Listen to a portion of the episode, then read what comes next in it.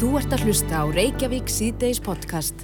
Reykjavík síðdeis, það hefur nú verið mikil og hröð þróun þegar það kemur að aukutætjum og bílum upp á síkastið en og ég man nú þegar ég var að kaupa minn fyrsta bíla þá var hérna GLX, það stóð fyrir eitthvað ákveði, þá var svona hérna ramagni speklum og eitthvað svona. Já, en þetta er orðið staðalbúnar í dag þannig að margt af því nýja sem kemur fram og er svona aukabúnar í bílum og það verður staðalbúnar svona þegar að tími líður já, það er eitt sko sem ég er, er fyrst að upplifa núna Mhm. og það er bakkmyndavill. Ég er svolítið, svolítið eftir á í þessu. Já, En þetta er orðin staðarbúnaður í bara, já, örgulega flestum bílum sem framleitir eru í dag. einmitt En og, ég er að gera bíl með bakkmyndavill núna í fyrst skiptu og það er alveg frábært. Já, þetta er mikið öryggi í þessu og það er spurning hvort að þetta sé það sem að verður staðalbúna þá þegar að hérna, framleiðast undir Mm og svo náttúrulega þetta Bluetooth þannig að það sé hægt að tengja síman í gegnum uh, aukutækið Já, ég, í, í bíl sem ég átti áður þá var ég með svona kassettu sem ég setti í kassettækið sem var með Já. snúru úr Já, og fór síðan aukstengi í síman minn. já akkurat. Það var Já, en uh, hvað er að koma svona fram á sjónasviði núna því að menn eru alltaf að finna ykkur nýjungar sem að menn setja í þessu aukutæki Mhm. og hvað verður síðan svona bara staðalbúnaður á línunni er Finnur Tólasíur sem að sér um bílalíf á Ringbrödd Sælfinnur Já, komið sér. Já, hvað er svona við sjóndeldarhingin komið inn á radar Komin ratarinn, já. Það sem að kannski mest er ábærandi og mest umtalað og, og þessi bílafræmiðindur hafa eitt langmestu púðri og peningum í varðar sjálfstyrkabúna. Já, sjálfkerandi aukutæki Já, og sko þetta er alltaf ekki orðið löglegt eh, bara hverki í heiminum okay. en eh, verið að vinna fyrir það og, og hérna mikla prófari sem hafa farið fram með þessu. Það er alveg ofbúst fyrir sem hefur farið í þetta en svo bara er ekki kannski alveg þetta eða öllu búin í að tala um þetta því að þetta, þetta er handan með hopni, það, er miklu skemmtilega það sem því voru að tala um áðan. Já, Svona eins og bakmyndavél og. Einmitt. En segðu okkur aðeins af sjá- sjálfstýringunni, Hva, hver er komið lengst í því? Það mætti nefna fyrirtæki eins og Tesla, Mercedes, alla þýsku lúksusbílaframleðina, Porsche, þar meðal hans. Uh, mjög margir konur ansið framleiðis í þetta, sko, Mercedes-Benz myndi treysta sér, eh, þú veist, fullkomnasti S-klass bílum þeirra, hann gæti í raun, uh, sko, kert uh, alvar í sjálfur, hann bara það ekki. Nei, þannig að Sama, Þegar við að- Teslana, sko. já, þegar við erum að tala um sjálfstýri búna þá, þá eru það nema sem að halda fjarlað semst í næsta bíl Já, hann þarf að lesa æði margt. já, og lesa línur þannig að hann stýri líka. Já, og, og lesa ljós og lesa hómasraða og, og, og lesa stöðunarskilti og, og lesa bara eiginlega allt með sko, Já. ég vil hana líka. Er hraðasta þróunin í þessu?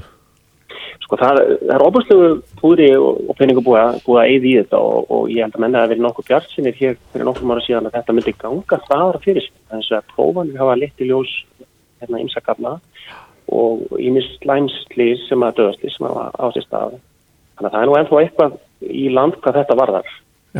En, en talandu tækni í bílum og þá er þetta nú eintóm sko pissukjarni í, í, í tækni já, og hérna einhvern veginn verður alltaf rétt þetta herra verð á bílum líka, líka það og, og, og þá bætast við hluti sem að við höfum, höfðum ekki bílum fyrir nokkrum árum síðan og bara, bara svona það sem mér þetta fyrst í hug er svona hlutir eins og blindpúnsviðvörun, agreinaskiptivari, nálaðar varar, alls konar. Mhm, og það tengist náttúrulega kannski að segja bakmyndavili sem við vorum að tala um, það er náttúrulega mjög gott að hafa svo leiðis en, en svo fyrir að pípa að þú er komin úr nálægt og þetta er komin annars í alla bíla en, en var ekki fyrir örta á márum. nei, Svo er annað sem að tengist kannski sjálfstýringar búnan og, og hérna eins og annar í tengi og, og er virkilega jákvæmt, ég svolítið að sem ég nefndi á hann finnst mér ekkert sérstaklega jákvæmt að sífældur að háa þeim er að skipta um agreinar og, og svona.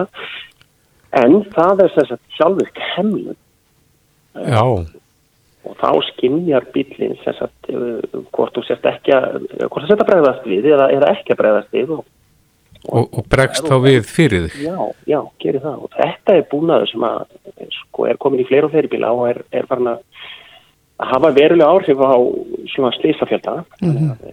mjög jákvæmt Já, jáfnvel bara svona aftan á kyrslur og annað slikt ef að fólk lítur á síman sinn sem maður auðvitað ekki að gera undir stýri en, en þá geta svona slis orðið.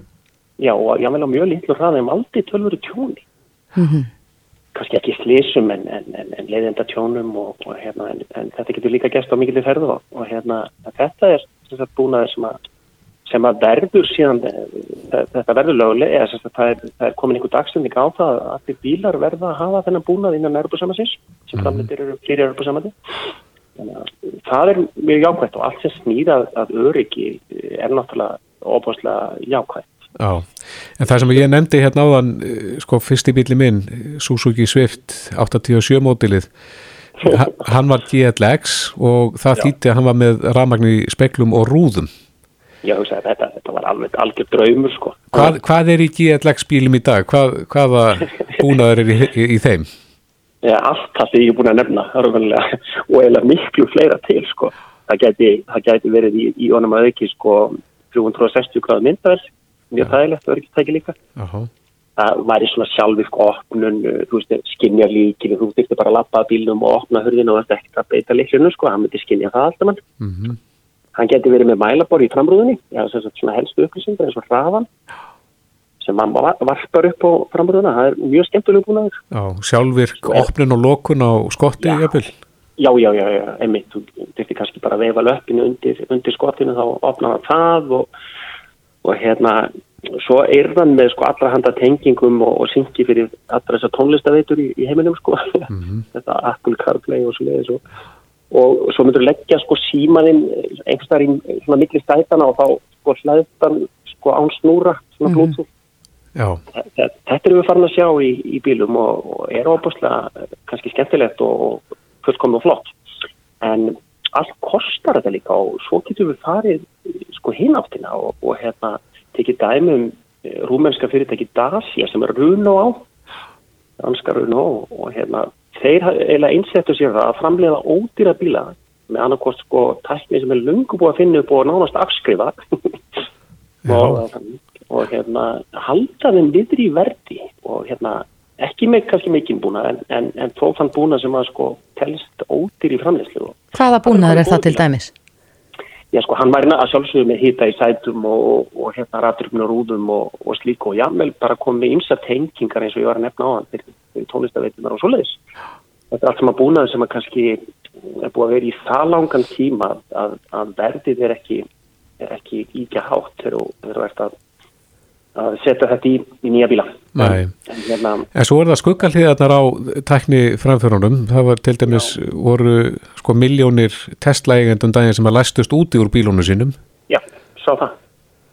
Þetta er ekki, sko, þessur öllu hérna stjórna bara í gegnum einhverja gerfinni þetta var alveg ótrúld að sjá hvernig eins og leggfæstu koma í þessa bíla, margt gott um þetta að segja en líka slæmt eins og nefnir það er yngstef það er margt leiðilegt í þessari tækni.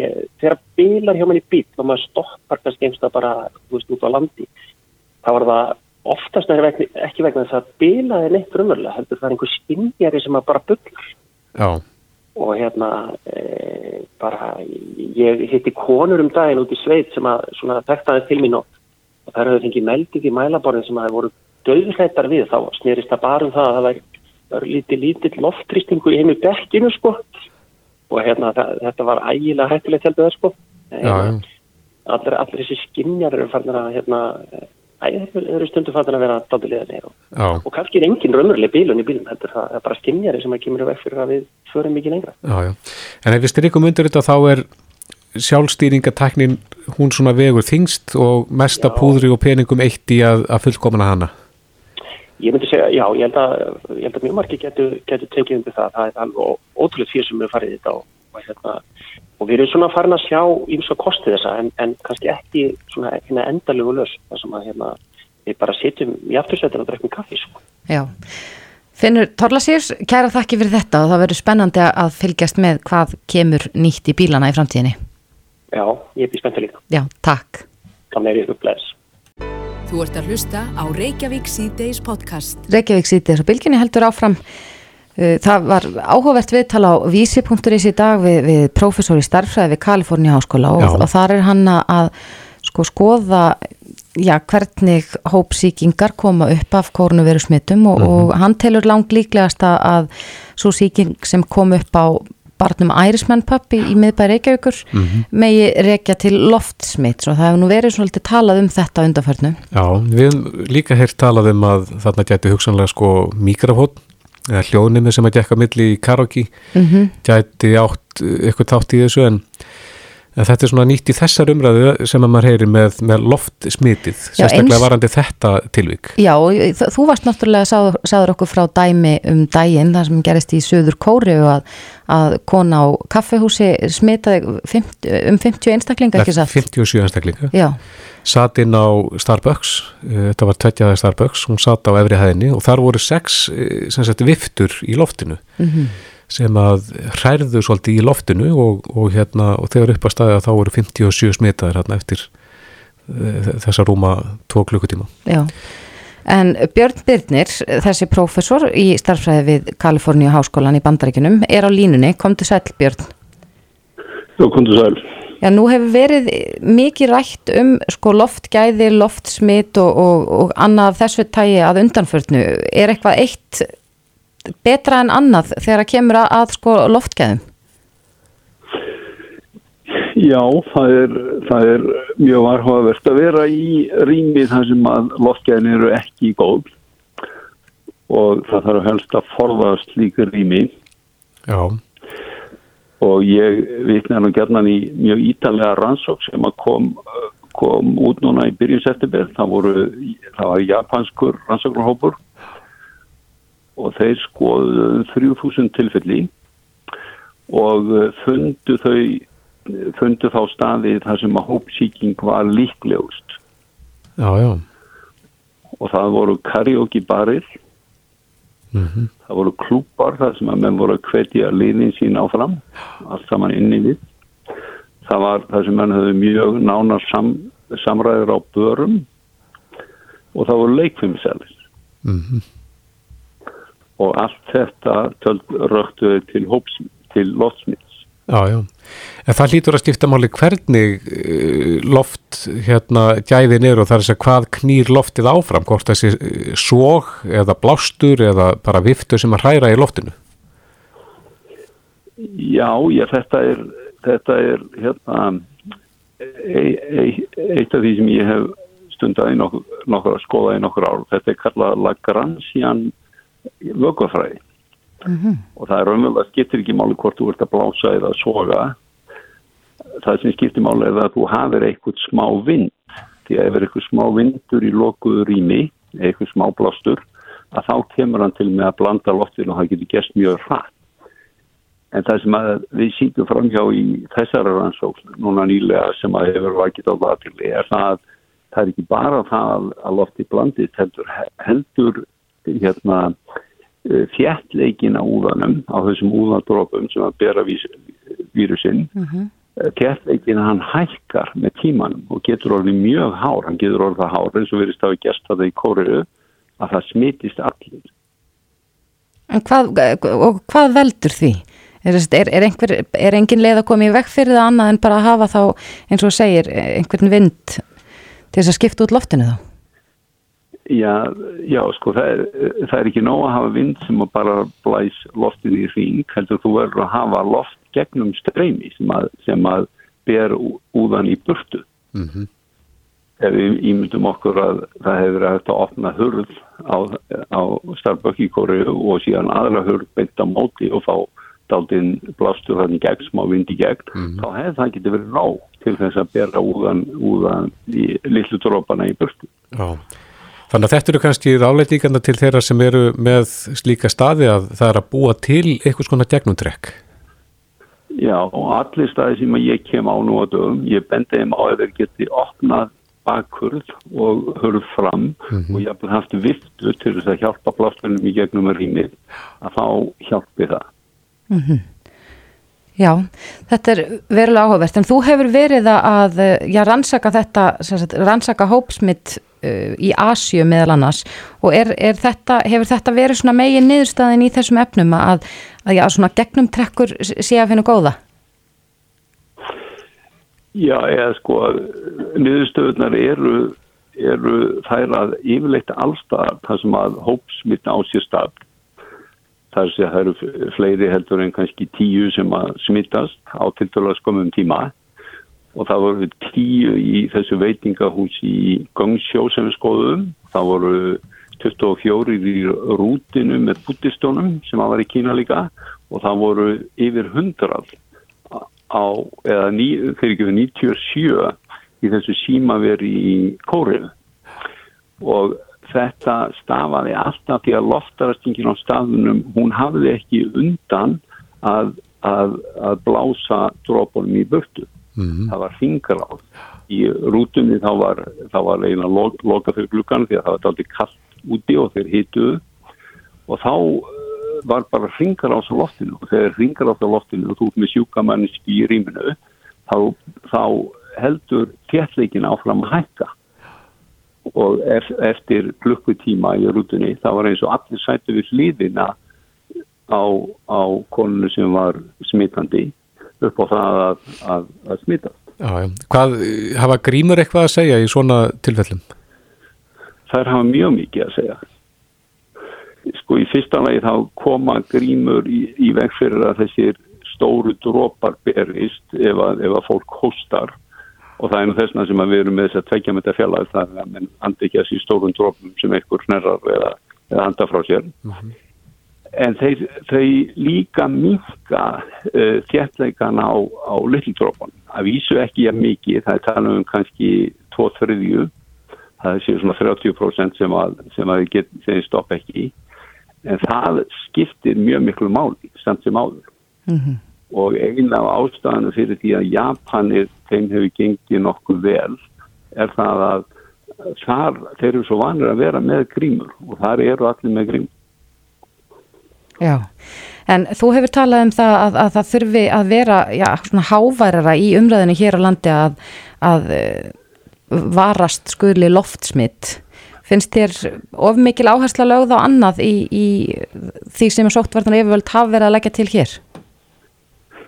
Það, sko, það er ekki stjórnmálum að, að það sé ómikil áhersla sko, því að ég held að þessar reglur sem að menn hafi verið að beita á Íslandi séu út af fyrir sig góðar að hafa tvekja þetta fjarlæg og, og, og hérna þó séur oft um hendurnar en það þarf að bæta við reglum um loftræstingu þar að mhm. segja að fólk sé ekki með starfsemi í mjög litlu rými þar sem að loftræstingin er léleg og svo að, að e, fólk reyni að bæta loftræstinguna og ef það er ekki hægt eins og í skólastofum að þá að, að beita einhverjum aðferðum, öðrum aðferðum eins og að vera allir síðan með grímur og það sé nólant á millir á bekkjónu sé frískipt og, og einhverja slíkar aðgerð. Þannig að það þarf að bæta við reglum, reglum um, um hættun á smiti með lofti. Mm -hmm. Sóttvarnarleiknir, uh, já myndist aðeins á þetta á upplýsingafundi almannavarna sem var hér fyrir í dag en uh, þá, er í raun og verið ítrekkar hann að, veri, að hafi verið bent á það uh, að, að þurfi að huga að loftgæðum en, en þú talar um reglur, finnst þér að, að það ætti að setja einhverjar skýra reglur hvað þetta var þar hér á landi? Já, það er mjög hættulegt að vera með karaoke hérna í litlu herbyggi það sem eru margir samankomin mm -hmm. þannig að það ætti vantanlega ekki að leifa Nei, og bæði þá út, út frá sko snertismiti hvað mikrofónu var þar en, en einnig varandi loftsmiti.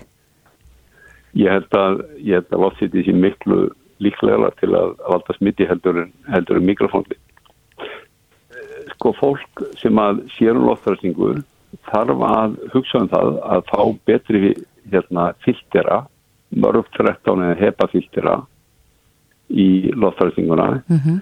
og auka innstreymið á hreinu lofti. Já, innstreymið og það er ekki að hugsa, huga líkað útstreyminu.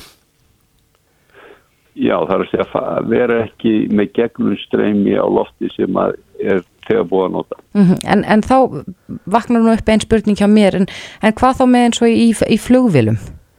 Er, er það ekki ringrás af sama loftinu sem að ég er hann fyrir aldrei út. Jú, flugvilar eru mjög svipar og rútur. Það var rúta í, í hérna Noregi núna í byrjun setnibær það sem að 33-37 smittuðust mm -hmm. það voru eftirlöfna þegar á ringfæður Noreg. Það mununa flugvilum er að þeir hafa mjög góða síur filtera, þeir hafa hepa. Mm -hmm. Já, sem að grýpa meira. En, Já, en það þýð samt sem áður þér dál til ofströmi framhjá fylgdefnum áður en að þetta gegnum hann. Þannig að það er mjög mikilvægt að vera með góða grímu í flugulum Já.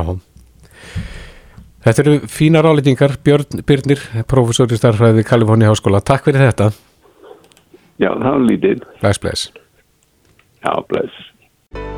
Hlustaðu hvena sem er á Reykjavík C-Days podcast. Jæja, Reykjavík síðdegis á bylgjunni eh, heldur áfram. Við ætlum aðeins að náttúrulega ræða málmálana, það er COVID Mhm.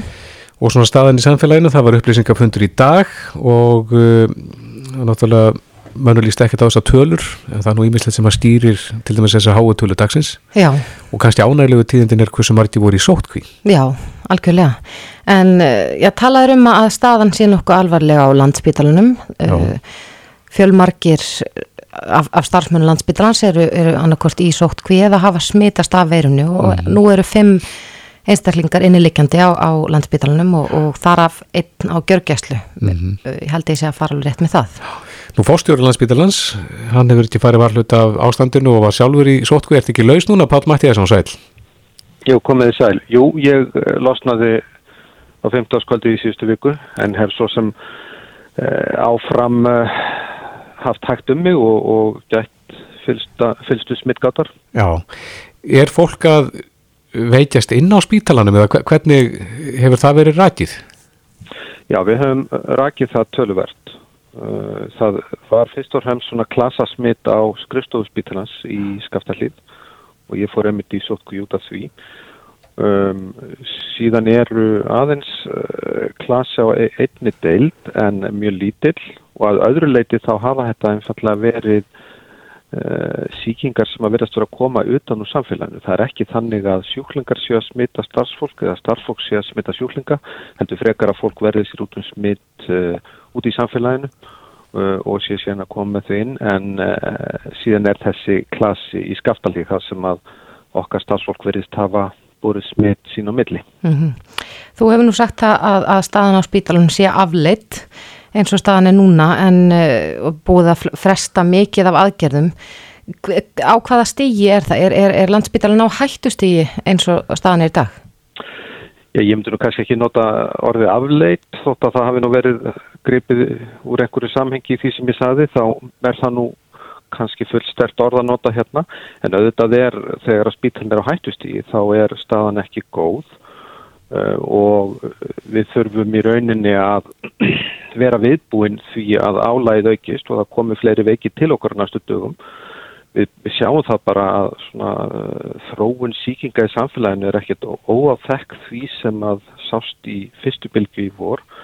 En enn sem komið er höfum við ekki séð uh, sama mikla fjölda mjög veiku fólki og við vonum að það haldist svo en við sjáum að það er að aukast þungin hjá okkur. Og einmitt, uh, það er eitt komin á gjörgæslu og það eru fimm samtalsinni líkjand á spítalunum Já, og við erum með náttúrulega mjög marga eh, næstu í 500 manns í eftirliti COVID-göngudeldarna núna sem endur spekla alla þá sem eru með virt smitt en sem betur fyrir engin flokkað sem rauður sem yfirvóandi innlögn í dag.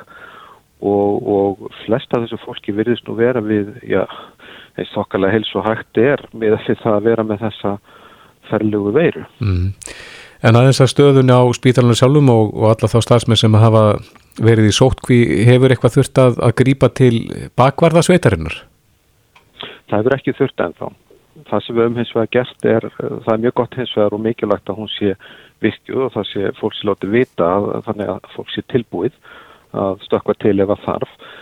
En það sem við höfum gripið til er það að uh, við uh, höfum dreyið úr valkvæðum skurðagerðum og valkvæðri starfsemi í fósfogi þar sem að þungin er af uh, COVID-veiku fólki. Það er bara þannig sem við skipilegjum okkar starfsemi. Þar eru þar, þar er smittsjútumadeildin sem tekur fyrst við veiku fólki og þar er líka gjörgjæsla sem tekur fyrst við fólki sem þarf að gjörgjæsla halda og, og til þess að við höfum aðskap til að sinna þessu verkefni sem að trompar önnur að þá uh, höfum við núna ákveðið að loka fjórum skurstofum af átta í fósfogi það þýðir þá það að við erum ekki að gera valkvæðar aðgerðir þar en alla bráða aðgerðir getum við gert og valkvæðar aðgerðir á skurðstofunum á hringbrönd halda áfram. Mm Hefur þetta mikil áhrif á þá bygglista sem að já, hefur verið títt rætt um? Það hefur auðvitað áhrif á bygglistana, já. Uh, hversu mikil fer eftir því hvað, hversu lengi þetta varir en ég held að miða við reynsluna og fyrri bylgu faldusins þá meðum við alveg gera fyrir að það verði e, áframhaldandi þungt og jáfnvel vaksandi þungi hjá okkur næstu vikurnar. Já, myndi það hjálpa til að útvista verkefnum þar sem að fá engaðala til þess að hjálpa ykkur að, að vinna á þessum byrlistum? Ég uh, held nú að það breyta ekki neinu í nákvæmlega þessari bráðastöðu sem við erum í núna. Þess að það tekur einfallega lengri tíma að skipilegja slíkt. En hins vegar hefur auðvitað verið uh, skoðað að útvista verkefnum til dæmis á sjúkurós og akranessi. En það er einfallega þá langtíma verkefni sem þarf að plana á lengri tíma. Sem og ef að ætta að færa verkefni til enga aðila í auknum mæli. Það er ekki eitthvað sem hættir að grípa til E, bara e, á svip stundu þegar að við erum í miðjum faraldri umfallega verðan þess að það fólk sem að myndi þurfa að skipilegja það og sjáum að færa yfir verkefni og tryggja þjálfun það stafsfólk er á kafi í því að berjast við faraldrin Já Hvar eru þólmörkin? Hvar litja þau? Er, eru þið komin að þeim eða, eða er töluvert í að þið náðu einhverju línu þar? Já við sjálfu sér ítum á undan okkur þeim verkunum sem geta beðið mm -hmm. í þeim mæla við getum sinn þessu þólmörk varandi það að við þurfum, við ráðum ekki við ástandið, þau eru nú sem betur fyrir tölverð langt undan. En auðvitað er það ekki gott að þurfa að uh, býða með valkaðar aðgerið en það fyrir enginn í skurða að gera ganni sínum. En, uh, en svona er þetta. Við, minna, þetta er ákveðin sveianleiki mm -hmm. við, við í því að við getum þá beðast með viss verkefni og fólk, allir sem eru á dekki fara þá í að sinna þessu verkefni. Um, er mikill munur palla því að, að já, fyrir spítaluna glíma við þessa bylgu kornuveri faraldur sinns, já, ef þú miðar það við stöðuna þegar þetta kom fyrst upp í vor og vetur? Já, ég myndi segja það. Uh, annars vegar allavega ennþá, ég þóru nú ekki að byrja óbjað sín, en ennþá allavega er, erum við ekki að sjá Eh, sama fjölda af innlagnum eða mjög veiku fólki í umsjá gangudeldarinnar okkar, COVID-gangudeldarinnar þótt að við sjáum samt aukinn þunga. Síðan auðvitað munar það miklu að nú erum við búin að skipulegja okkur á því, við höfum áður gengið í gegnum þetta, fólk kann til verka. Við vitum í hvaða röð við uh, ítum undan okkur valkværi starfsum og flytjum starfsfólk yfir í að sinna veikum, vitum í hvaða röð við uh, tökum deildir undir fólk með COVID-síkingar sem þarf innlögn og svo framvegs þannig að það og við höfum náttúrulega þessa COVID-19 göngudel sem er alveg frábær og, og samstarf við helskjösla þannig að þetta allt saman hjálpar. Þannig að þið byggir líka á ákveðinu reynslu frá síðasta færaldi Við gerum það svo sannanlega en, en auðvitað er uh, álægið tölverð það sem hjálpaði okkur í vor var að þá opnaði einum það beil sem fyrst, þeir fyrstu voru að greinast með síkingu þá opnaði nýtt hjúkunarheimili á Slettuvegi mm -hmm. með 100 rúm eða 99 rúm og það hjálpaði mjög mikið og við höfum ekkert slíkt núna upp á að hlaupa þannig að það svona flækir aðeins stöðun að við erum líka að vinna í því að leysa flókin svona flæðismál en mm -hmm. þetta gengur, gengur allt með, með því allir séu á dekki og, og, og náttúrulega mitt öfluga stafsfólk er í leggur á sig gríðamikla vinnu við að, að samhæfa og tryggja að við getum veitt okkar, eða þeim sem veikastir eru við endi þjónustu. Já, við fylgjumst áfram með, með stöðun á landsbytalan næstu dag en Pál Mattiasson, fórstjóri landsbytalans kæra þakki fyrir þetta og gangi ykkur vel. Sjálfsagt, takk fyrir sumleis. Reykjavík síðdeis á bylginni. Reykjavík síðdeis heldur áfram. Það, uh, Katrín Jakobsdóttir fórsettisráð þeirra sagði í dag að, að hún teldi að myndi skýrast í dag eða á morgun. Mm -hmm. Já, hvað verður gert, hvort að einhver aðgerðarpakki muni koma til móts við eh, þá stöðu sem er komin upp á vinnumarkanum Eilitt. en á morgun munu samtöku atvinnulífs skreiða atkvæði um, um eh, já, hvort að forsendur lífskjara sáningsin séu brosnar Já, okkur skilst að eh, samtök atvinnulífsins hafi hitt formen Ríkistóðarflokkan í morgun mm -hmm. og svo stóð til að funda eftir núna síðdeis En það er, eru aðrir hátna sem að sitja við þetta bór, það er verkalýsreifingin Alþjóðsamband Íslands. Eh, Drífa Snædal er fórseti Alþjóðsambandsins, kom til sæl. Já, blessur. Ja, hvernig meti þið stöðun á vinnumarkaði núna? Það er svona kalla eftir því að þið viðu kennið að hér hafi staðan breyst frá því að skrifa var undir þessa samninga? Já, sko, fórsendur samningana eru hérna, voru gefnar ákveðna fórsendur og það er standa um, og það er okkar mat. Hins vegar er samtök aðdurlýsins að tegja sér svolítið langt með því að segja allar efnahagsfórsendur og öll umgjörð hafi brostið og þess vegna eigi þessi samningar ekki standa. En, en er ekki nú, staðan önnu núna? Nú er met aðdurlýsi og stefnir í að fyrirtæki munum eiga mjög erfitt í vetur? Já, það er náttúrulega fyrir eftir sko atvinnugreinum í fyrsta lagi og landsveðum líka. Uh, Máli er að við erum náttúrulega búin að vera að leggjast á áráfna frá því að þetta ástand komi upp síðasta vor mm -hmm. uh, í alls konar aðgerðum. Uh, Launafólk á Íslandi við tekja á sér skellinni gegnum hlutabótaleiðina og gegnum minkaða yfirvinn og svo framvegis í ákveðnum atvinnugreinum og vissulega atvinnuleysi. Atvinnureikundur hafa náttúrulega líka tekja á sér skella á ákveðnum, hérna, greinum sérstaklega og svo náttúrulega er, er þungt eh, hérna ála á, á ríkiskassan þannig að það var allir tekið skell en við höfum hins vegar verið lagst áraðnar í sértækum aðgerðum vinnumarkasaðgerðum. Mm -hmm. Það er að segja sko hvernig á að, að hérna hjálpa fólki aftur í vinnu, endur nýta þennan tíma til endurmentunar meðan fólk eru aðturleysbótum og svo framvegs. Við höfum stutt við launisóku í hlutabótaleðina, hérna launa uppsökumfresti og fleira og við, það verður ekki staðið á okkur að vera í svona sértakum aðgerðum eh, sem ástandi kallar á. Mm -hmm. Hins vegar segjum við að kjærasamningar er að standa og þetta voru mjög hóflegir kjærasamningar, hóflegar hækkanir, þetta eru krónutölu hækkanir, þetta eru ekki prósentu hækkanir, krónutölu hækkanir eru, eru ódýrari fyrir afturlífið, eh, þannig að sko við sjáum ekki að fórsendu séu brostnar og við reyndar teljum það mjög hættuleg skilabóð að segja nú er komið neðar ástand og nú þarf að taka upp kjærasamninga. Mm -hmm. Það er hættuleg skilabúða til leiti að þá fyrir fólk að halda sér höndum og, og herða sultarálina og svo framvegs og það er ekki tilumfið þess í langt flestum greinum. Akkurat. Þannig að við teljum það mjög ábyrðanlöst af samtökum aðbyrjusins að vera að fara í þessa vegferð að þyrla upp og búa til óöryggi. Hvaða greinar blómstra, Dífa? Já, hvaða greinar blómstra? Já, þetta hefur til dæmis ekki komið mjög hart niður á stórvæslunum, við vitum það, sjávar útvegnum uh, og svo mætti áfram telja. Það er náttúrulega ferðarþjónasta fyrst og fremst sem er að taka þetta höfð. Og afleitt störf, það er að segja fyrirtæki sem sem að þjónusta ferðarþjónustuna sem að tegir sem þessi víða. Það er alveg hárétt og mótaðisækjörna kakvar því er til dæmis verkefnið allir vinna, það sem er 100% endurgreysla að verið svona skatt fyrir yðnaðamenn mm -hmm. uh, til þess að örfa það og það verðist að tekist ákveðlega svo aðgerð. Uh, þannig að við höfum sko verið til í alls konar svona sértakar aðgerðir uh, en, hérna, en við segjum það besta sem hættir að gera fyrir vinnumarkaði núna er að það sé fyrirsjónuleiki og að við gefum út að skýru skilabóð, það er ekki neður afstand á Íslandi Eh, við látum samningastanda og líka af því að þetta eru sko hófsamar króntulegakarnir. Það er að ekki. En Drífa, nú hefur aðeins verið kalla eftir því að, að stjórnvöld stýi inn í mögulega með einhvern aðgera pakka sem ætti að, að já, svona, eh, læja öldurnar í, á atvinnumarkaði. Eh, mm. Hvað væri það þínum að þessum að stjórnvöld gætu gert til þess að hjálpa í þessu ástandi?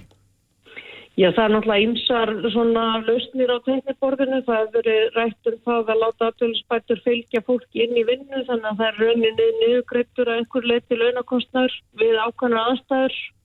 Uh, þá erum við að ná því markmiðu sem við viljum að hvetja til ráðlíkasambands við afturreikutur. Uh, afturreikutur geta þá svona létt á launakostnarum sínum að einhver leiti. Þetta myndi þá sérstaklega vera kakvart þar á þjónustunni. Uh, og á söðunessum, þessi þetta kemur nú þaðan.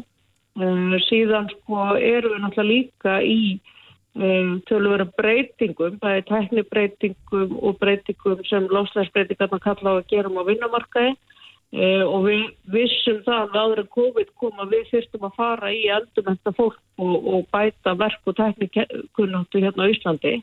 Og við teljum, ok, notum það tækifæri núna, gerum það. Eh, þannig að það eru svo sem ymsar, ymsar lausnir og svo náttúrulega veitum við það að, að sko, það er eiginlega ekki öðrum til að dreifa ríkispessan núna uh, til þess að halda uppi uh, kaupmætti og það er nú það sem all, allar alþjóðastofnanir eru að segja núna, ólíkt fyrir tíu árið síðan, segja bara verjið kjörfólks, það er það besta sem hægt er að gera í þessari stöðu. Uh, þannig að sá söngur að frista launahekkan er jafnveg lækka laun uh, hjá aturreikutum, það breytir í báa við það sem alþjóðastofnanir og, og, og hérna flestir segja núanendir. Já, en drífa óttist þið ekki að, að það að halda til streitu þessari kröfu um, að, um launahekkanir að það komi til með að auka atunleysi?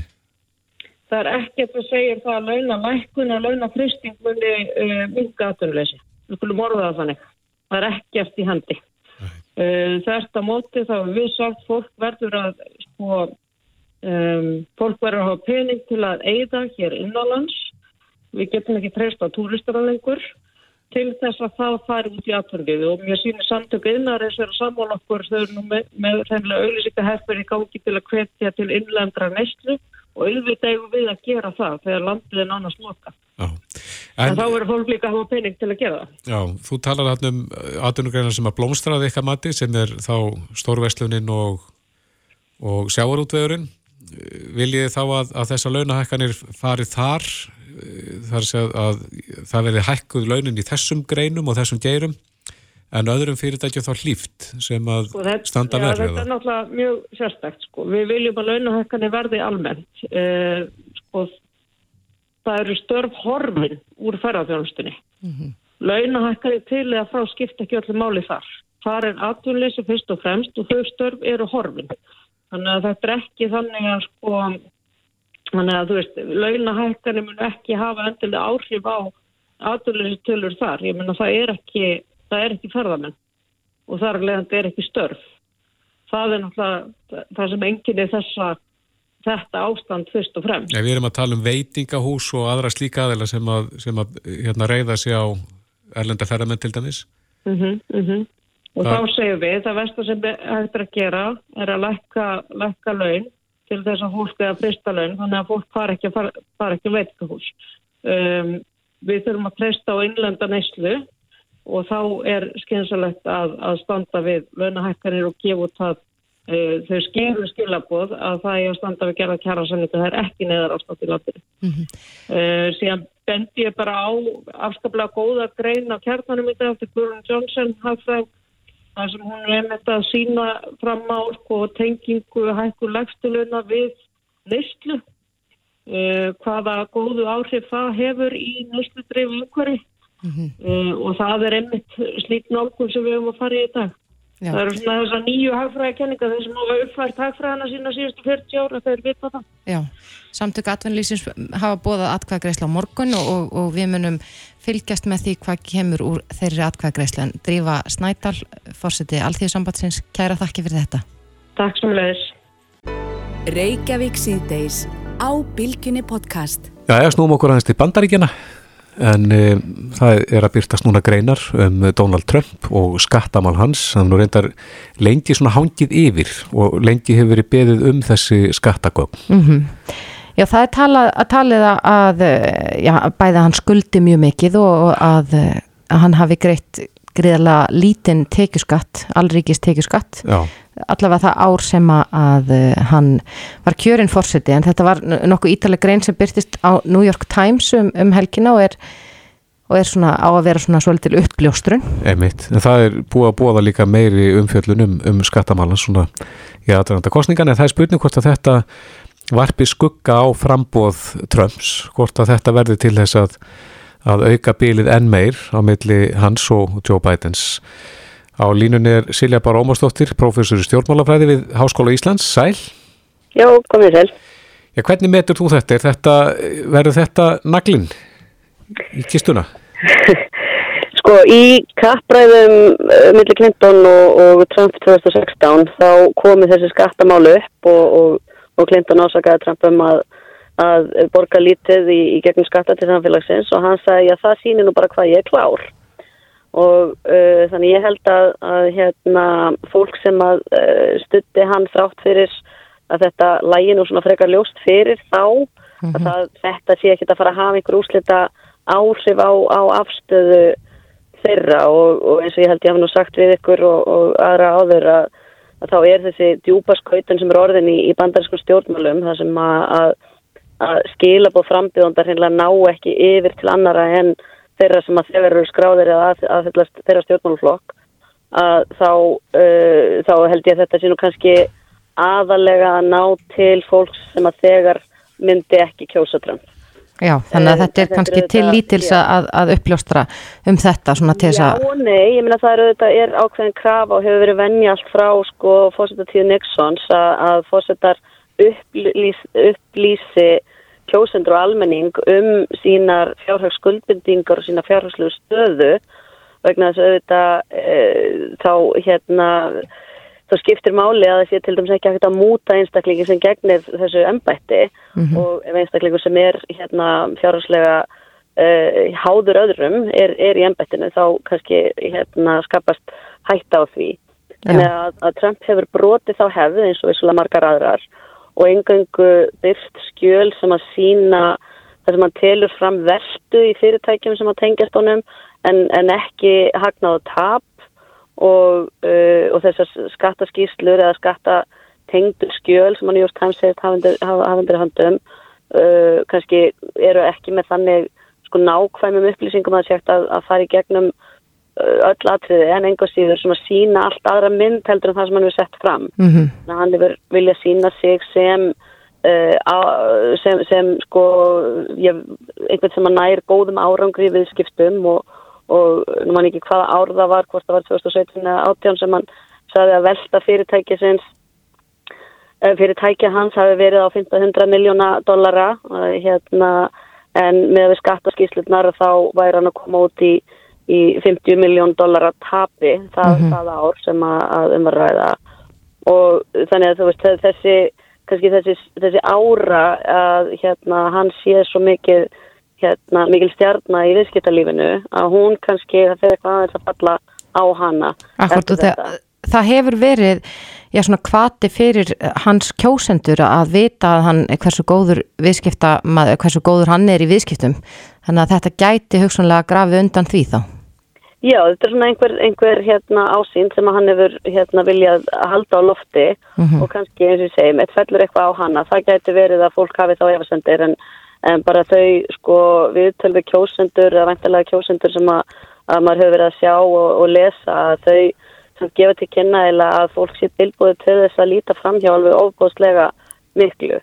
Það sem að, að e, hérna og, og jáfnveg líta fram hjá hlutum sem að, að ganga gegn sko þeirra hugmyndafræði og, og hérna og vilja um, um þetta að því hvernig fólk vil hafa í, í ennbætti að fólk hefur verið að tellja upp aðtrið eh, við tölum sem ég séð og, segja eh, telur upp aðtrið sem að, að bara Trump allir vita að hann hefur sagt og gerst þessa hluti og segir já, nei, nei, ég kýða nú samt. Þannig að hvort að þetta dugar til þess að, að hann missi fylgi það, það veit maður ekki og, og síðan er auðvitað er alltaf uh, það sem að demokraterna er óttast og republikanir uh, sækjast eftir, það er að hérna það verði dræmkjörsókn því að þá er líklegra að republikanir græði hlutvarslega meira á því þegar kjósendur eru dögleira að skila sér. Er ekki, og sérstaklega núna í COVID-faraldinum að þá er verða vantilega hans stuðnismenn harðastir í að mæta kjörstað?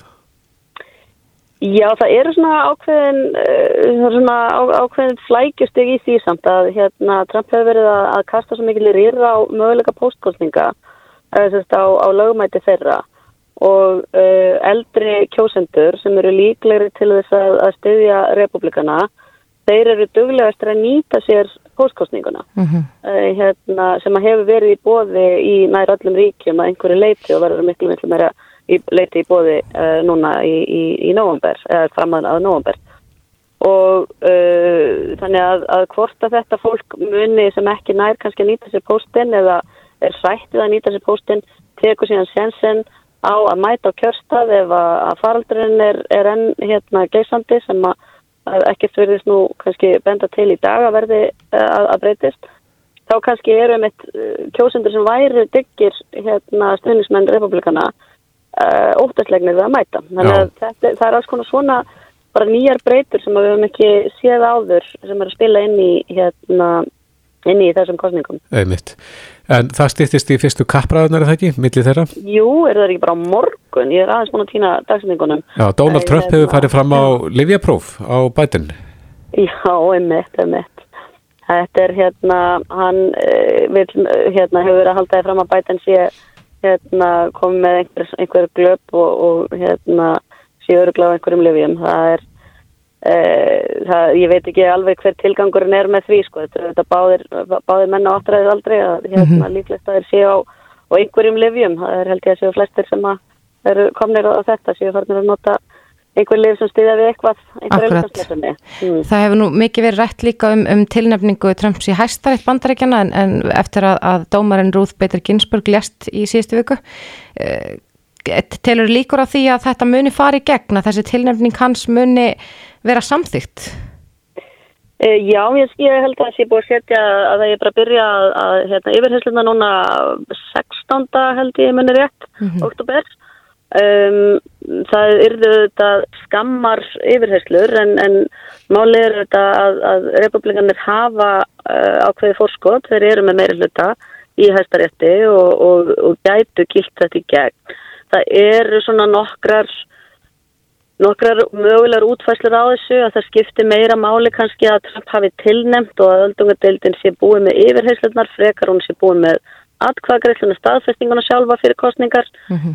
Það eru hérna nokkri þingmenn sem að, að eru hægt stattir, hérna Murkowski í, í Alaska og, og Susan Collins í, hérna, í Maine að báðar höfða mjög mikið til svona óhæðra kjósenda inn á miðjuna frekar. Um, þær hafa báðar svona sagt að, að þær myndu frekar vilja er þið beði með tilnefninguna en svo sem ekki endilega sagt að það myndi ekki styðjana hérna, það er að það væri verið að staðfesta. Og það geti komið sér betur fyrir þær að fá að, að vinna kostningar í sínum heimríkjum áður en að er skreiða akkvæði Akkurat. Uh, og McConnelly sjálf sér í svipari stöðu uh, hann, hérna, þó, hann, hann sé nú ekki, ekki þetta sækina miðjana fylgið sko en hérna en það gæti borga sér líka fyrir hann að að, eh, að láta atkvæðagreifsluna býða fram til eftir kostningar en vera búin að sína þennan vilja til þess að standa með fórsettanum og, og taka yfirheysluna fyrir, fyrir kostningarnar. Já, þetta mun lík, á þetta líkindu skýrast á næstunni eitthvað. Já, já, já, já, og þingið, sko þingið náttúrulega þetta þing starfar fram að, að áramótum mm -hmm. fyrir jólaleifi hérna bara eftir jól og og nýjir þingminn eru, eru svarðir er, hérna, taka ennbætstegið í, í byrjun januar, fyrstu viku januar og, hérna, og, og þau myndu hafa alveg þanga til til að ganga frá þessari hérna, skipan ef þau vildu sko. Republikanum er eins og þingið skipa núna. Ég skil. Þannig að, að það er ekki víst að við sjáum endilega atkvæðagreislina fyrir kostningar þó að það gæti alveg verið. Já. Og þá standa Republikanum bara mjög stærst. Akkurat. Við höfum því miður ekki meiri tíma að sinni en Silja Bára Ómarsdóttir, professor í stjórnmálfræði við Háskóla Íslands. Kæra þakki fyrir þetta. Takk, takk.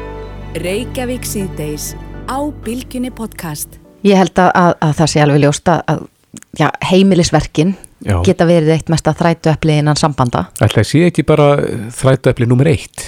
Jú, sko, síðan þegar það komið börn í spili þá kemur allt sem við kemur börnunum, auðvitað líka kannski svona. Já, sem er hluti af heimilistarunum. Já, já, algjörlega, að sena fjölskyldinni. En, en ég hef áður reykist á, á umræður um það sem að hefur verið kallað mental load. Ég mm -hmm. lakka eiginlega til að koma með íslenskt heiti yfir þetta.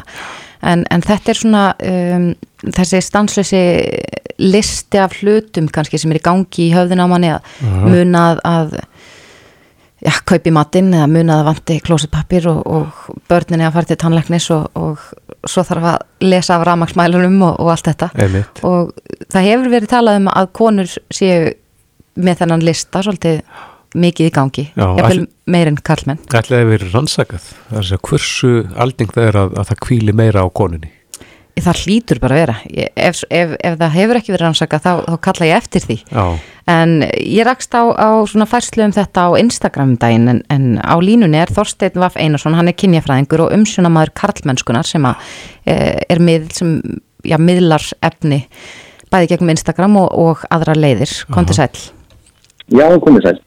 Já, þetta mental load, er búið að íslenska þetta heiti, veistu það?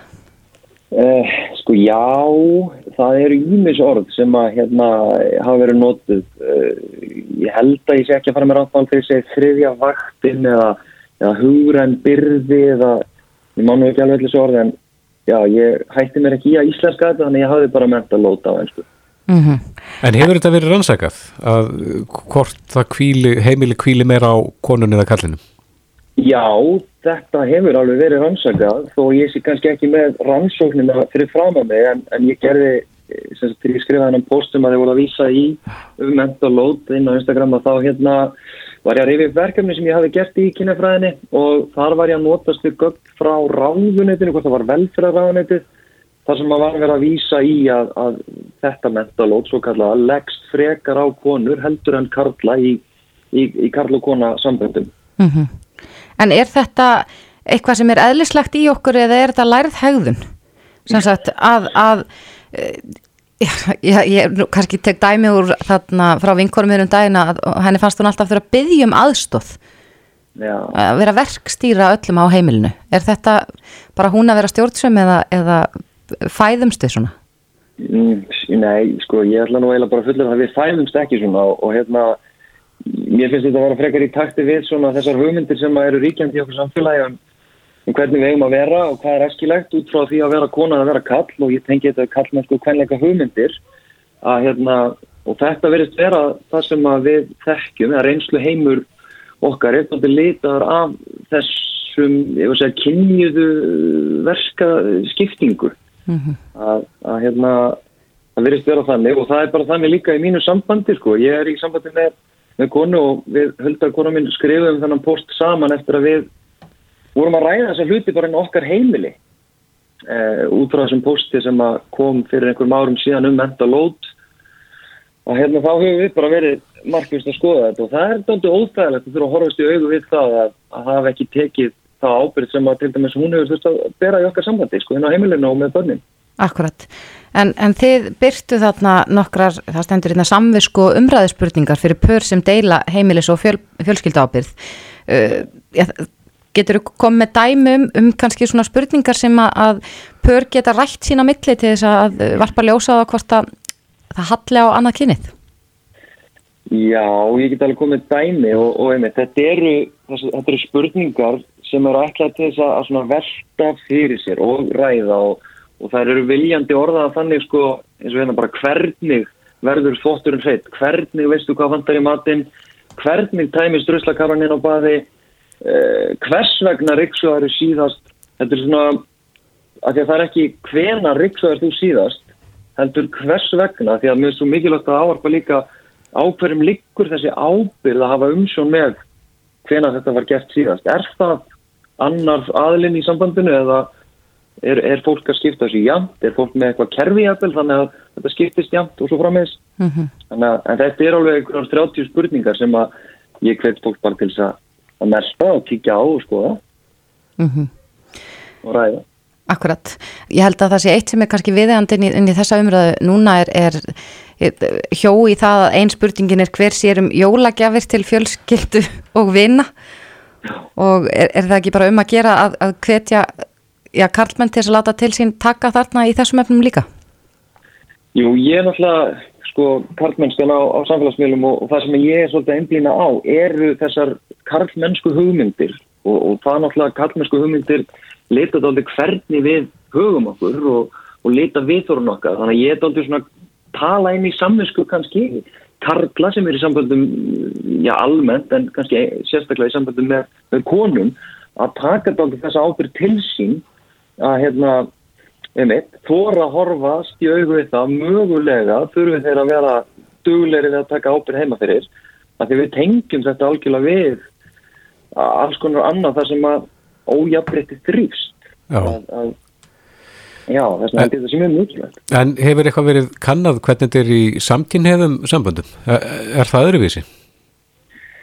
Sko, ég, ég held að það hafi verið einn rannsókn í, í sagt, sam, það sem að tvær konur er að deila heimilega og þar, í þeirri rannsókn sem að mér ámar í að þar var verka skiptingin í jafnari heldur en sérst í, í karl- og konasamböndum en hins vegar þekkið það líka að það var eitt strákur sem er sérst í sambandi með öðru manni og hann var einmitt að, að kvart undan því að, að hann væri að taka alla ábyrðin en ekki maðurinn hans. Mm -hmm. veist, þannig, þannig ég veit ekki hvort þetta sé svona bundið við, við karl sem er í sambandi með einhverjum eða, eða hvað en, en það er einhvað sér svona það eru vísmyndingar sem ég hef undir hendum mm -hmm. Heldur það og tekur undir það að þetta sé kannski ástætingssteitt nummer eitt í sambandum að álægi lendir miklu meira á öðrum aðeilanum Já, það er mín upplifun og reynsla af þessu af því ég áður en ég gerði þennan lista þá líka spurði ég mína, mína fylgjendur bara hérna út í svona mentalót og, og fekk hugmyndir frá þeim og, og það var langmest konur sem að voru að, að deila því hvernig, uh, hvernig þetta svona misfest þessi ábyrg þar sem að þær eru að bera hitan og þungan af já, alls konar heimilistörfum og uppbeldi og, og líka þessari verkstjórn og mun alla ómögulega hluti þannig að Já. Þannig að við getum líka gengið út frá því að það verða konur sem að koma til með að deila þessu viðtali á fjersbókinu, meira heldur en kallar. Ég þykist, já, með mig grunar það. Já, já. akkurat. En myndir þú segja að þetta væri leiður í bara jafnbreyttis baráttu yfir höfuða að, að líta inn á við og skoða hvernig hlutin er á heimilinu uh, til þess að já, kynja jafnbreytti verði náð? Já, ég held að ef við ætlum að breyta, sko, ef, ef við ætlum að vinna að raunverulegu jafnbreytti og þá er ég að tala um meðal annars félagslegu jafnbreytti og breyta svona ymsum hugmyndum sem eru ríkjandi okkar samfélagi að þá verðum við að þóra að byrja heima hjá okkur. Við þurfum að þóra að byrja því að, að rína inn á við og, og einmitt horfast í auðu við það að það er möguleg ekki alveg jafn mikið jafnbreytti heima hjá okkur og við höldum og, og þá kannski er ég helst að búta í karla sem er í sambandi með konum að, að þóra horfast í auðu við sína einn hugmyndir og, og jáfnveg sína, sína einn hefðin eða, eða skort á hefðin og ábyrð heimaferðis. Já. Akkurat. Já, þetta er áhugavert. Þorstein Vaff Einarsson, kynjafræðingur og umsunamaður Karlmennskunar. Gæra þakki fyrir þetta. Takk fyrir. Þetta er Reykjavík C-Days podcast.